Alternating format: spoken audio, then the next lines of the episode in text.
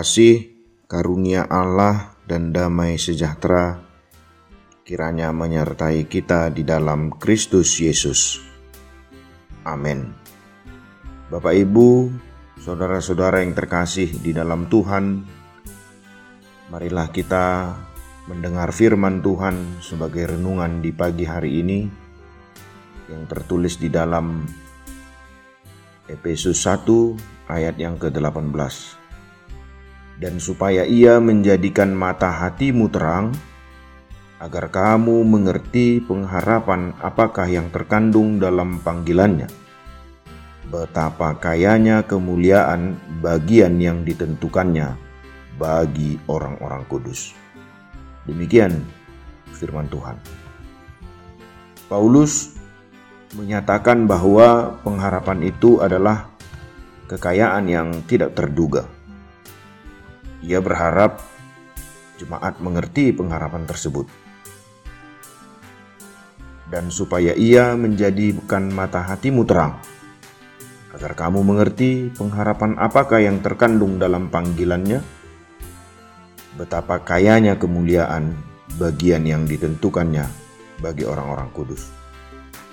Pernyataan yang sama juga dapat diperoleh dari Kolose 1 ayat 27 yang tertulis, kepada mereka Allah mau memberitahukan betapa kaya dan mulianya rahasia itu di antara bangsa-bangsa lain, yaitu Kristus ada di tengah-tengah kamu, Kristus yang adalah pengharapan akan kemuliaan.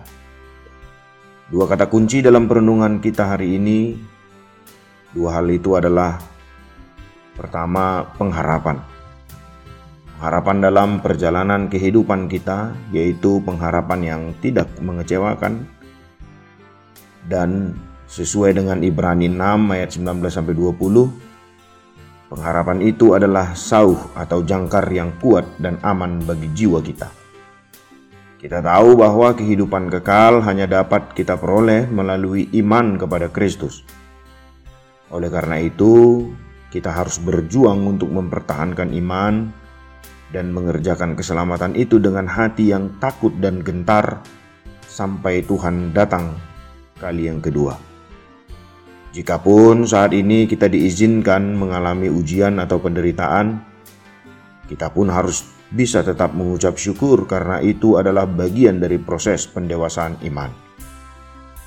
Kita harus dapat memandang hal itu sebagai salib yang harus kita pikul, dan itu merupakan bagian dari panggilannya sebab penderitaan itu tidak seberapa bila dibandingkan dengan kemuliaan yang akan kita terima kelak. Roma 8 ayat 18. Yang kedua, kaya kemuliaan.